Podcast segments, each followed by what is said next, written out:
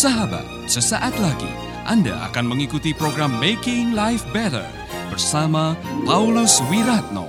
Selama 15 menit ke depan, Anda akan belajar membuat kehidupan lebih baik.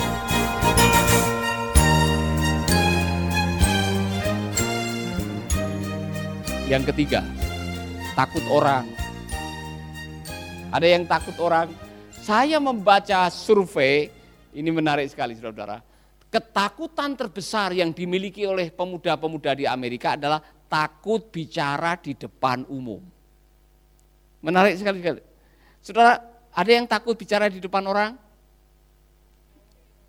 Takut?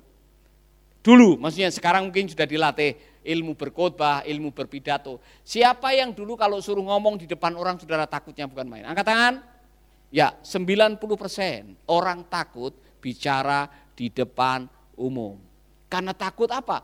Takut kalau ditolak tadi. Takut kalau dianggap gagal, takut kalau saudara tidak bisa ngomong, takut, takut, takut, saudara belum apa-apa tenggorokan udah kering. Ya pernah ya yang pertama kali khotbah dulu yang sekolah kita pertama kali seluruh maju ke depan itu semalam-malaman enggak, enggak bisa tidur ya kan tiba-tiba sering ke belakang ya kan yang tadinya enggak apa-apa tiba-tiba diare ya kan ya. kemudian pada waktu mau maju ke depan keringat semua keluar hei jangan takut gara-gara saudara mungkin sedang berbicara dengan orang kalau Anda gagal atau Anda kurang sempurna, pahamilah itu sebagai bagian dari proses kehidupan. Jangan takut dengan orang, katakan kepada teman saudara.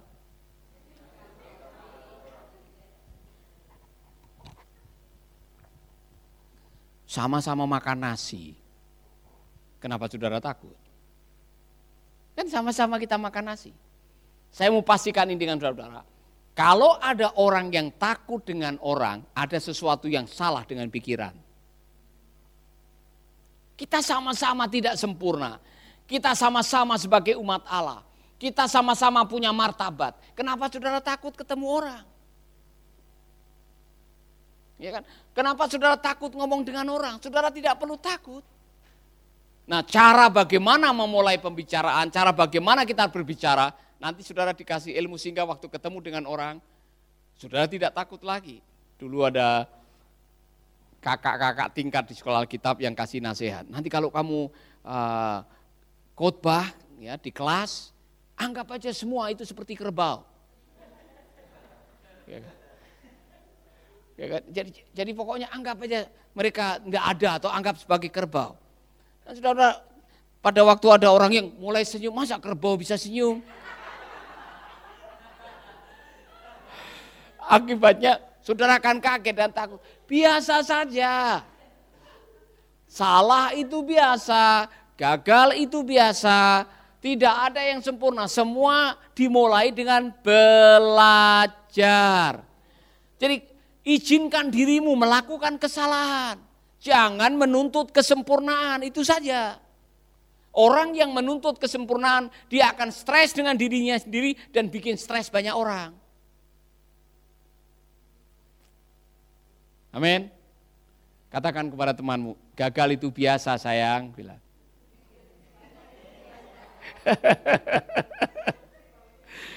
ya. Ditolak itu baik-baik aja. Tidak ada masalah, saya pernah ditolak, disalah mengerti, diomongin, dianggap gagal, dianggap tidak becus, dianggap penakut. Tidak masalah. Saya punya patokan, hidupmu ditentukan oleh apa kata Tuhan, bukan apa kata orang. Dan untuk Anda bahagia, Anda tidak mesti harus punya persetujuan dari banyak orang.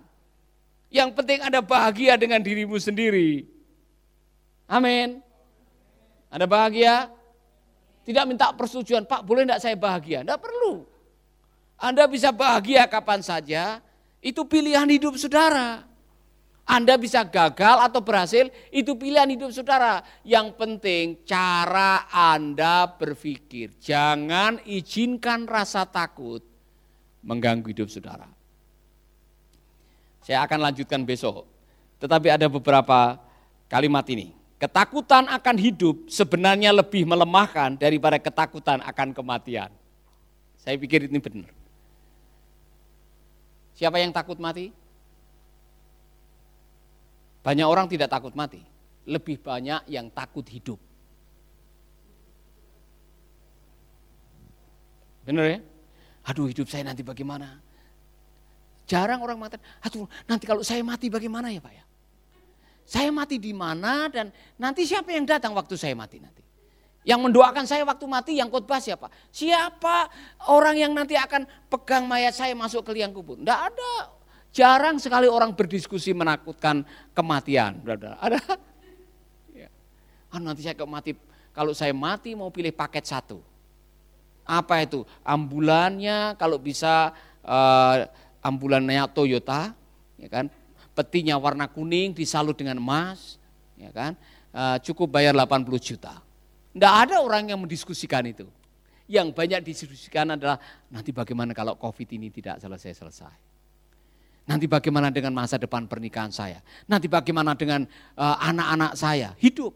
Lebih banyak orang yang takut hidup daripada takut mati. Anda masih bersama Paulus Wiratno di Making Life Better.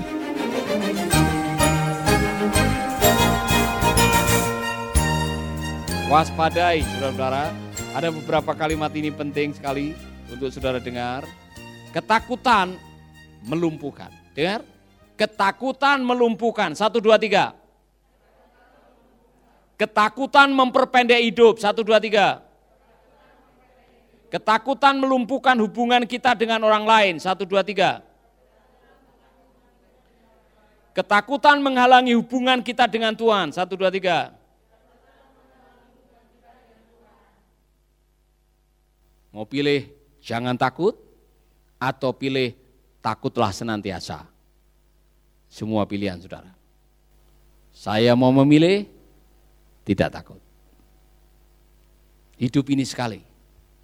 Jangan takut. Apa pun yang terjadi, jangan takut. Karena saya percaya kebenaran firman Allah, aku menyertai kamu sampai kesudahan zaman. Karena apa? Tuhan tidak mendesain Anda untuk hidup dalam ketakutan. Maka dia menyertai kita, dia mengirimkan rohnya, dia mengirim pengawal-pengawal yang namanya malaikat, dia memberikan tuntunan, dia memberikan perlindungan darah Yesus, dia memberikan segalanya supaya kita hidup dalam sukacita, bukan dalam ketakutan. Amin. Mari kita berdoa. Bapak dalam surga kami mengucap syukur untuk kebenaran firman-Mu. Kami percaya firman-Mu adalah ya dan amin. Firman-Mu yang menjadi rema akan menjadi kekuatan bagi kami. Bapak di surga kami menyerahkan anak-anak-Mu dalam tangan-Mu, khususnya yang saat ini sedang menghadapi ketakutan. Berikan kami beranian untuk menghadapi semua yang kami takuti Berikan kami kebenaran firman yang bisa mengcounter pikiran-pikiran yang salah yang membuat kami merasa takut. Saudara mari kita berdiri bersama-sama. Kita menyanyikan lagu El Shaddai. Singer maju ke depan. El Shaddai, El Shaddai. Tak usah aku takut.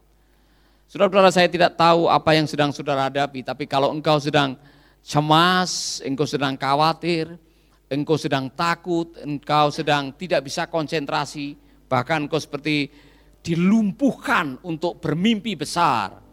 Motivasi untuk mencapai cita-cita menjadi lemah oleh karena ketakutan, nyanyikan lagu ini.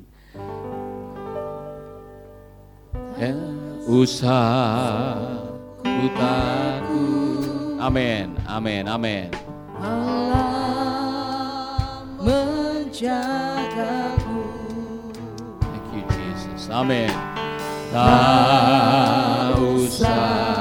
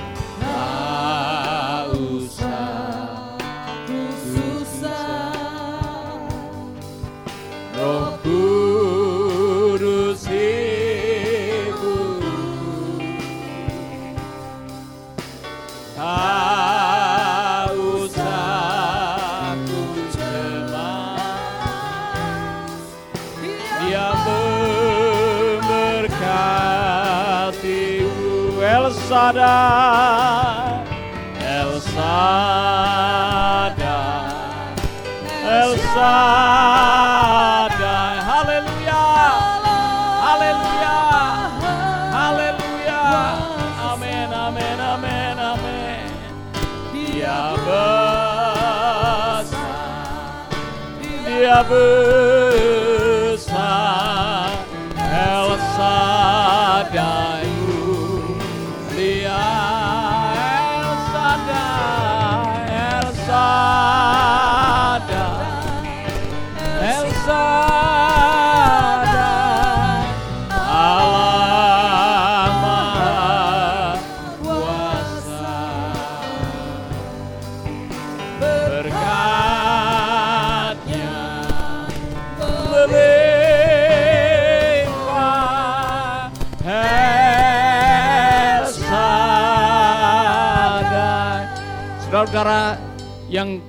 jujur dan terus terang mengatakan, Pak saya punya ketakutan-ketakutan. Pak saya selama ini dikuasai oleh kecemasan. Saya mudah sekali khawatir. Dan saudara merasakan dampak negatif dari semuanya itu.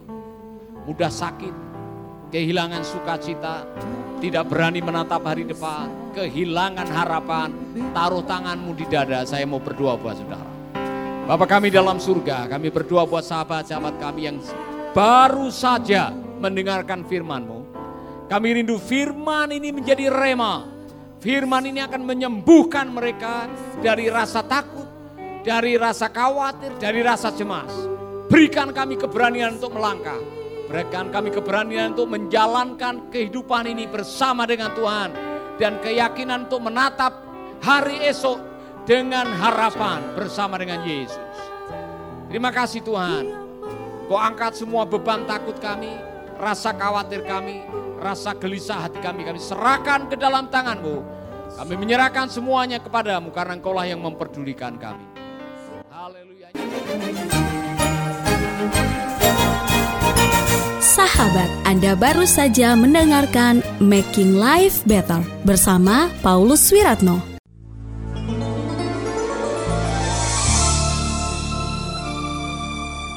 Keluarga Gracia, biarlah firman Tuhan selalu menjadi pelita dalam hidup kita sepanjang tahun ini. Dengarkan selalu radio Suara Gracia di 95,9 FM, streaming di suaragratiafm.com streaming atau dengan aplikasi Android Radio Suara Gratia yang tersedia di Play Store. Jika Anda diberkati oleh siaran suara Gracia FM dan mengalami kuasa mujizat Tuhan, mari menjadi berkat dengan mengirimkan kesaksian ke WhatsApp Radio Suara Gracia FM di 0817 222 959. Biarlah melalui kesaksian Anda, banyak jiwa dikuatkan dan dibangkitkan kembali imannya. Tuhan memberkati.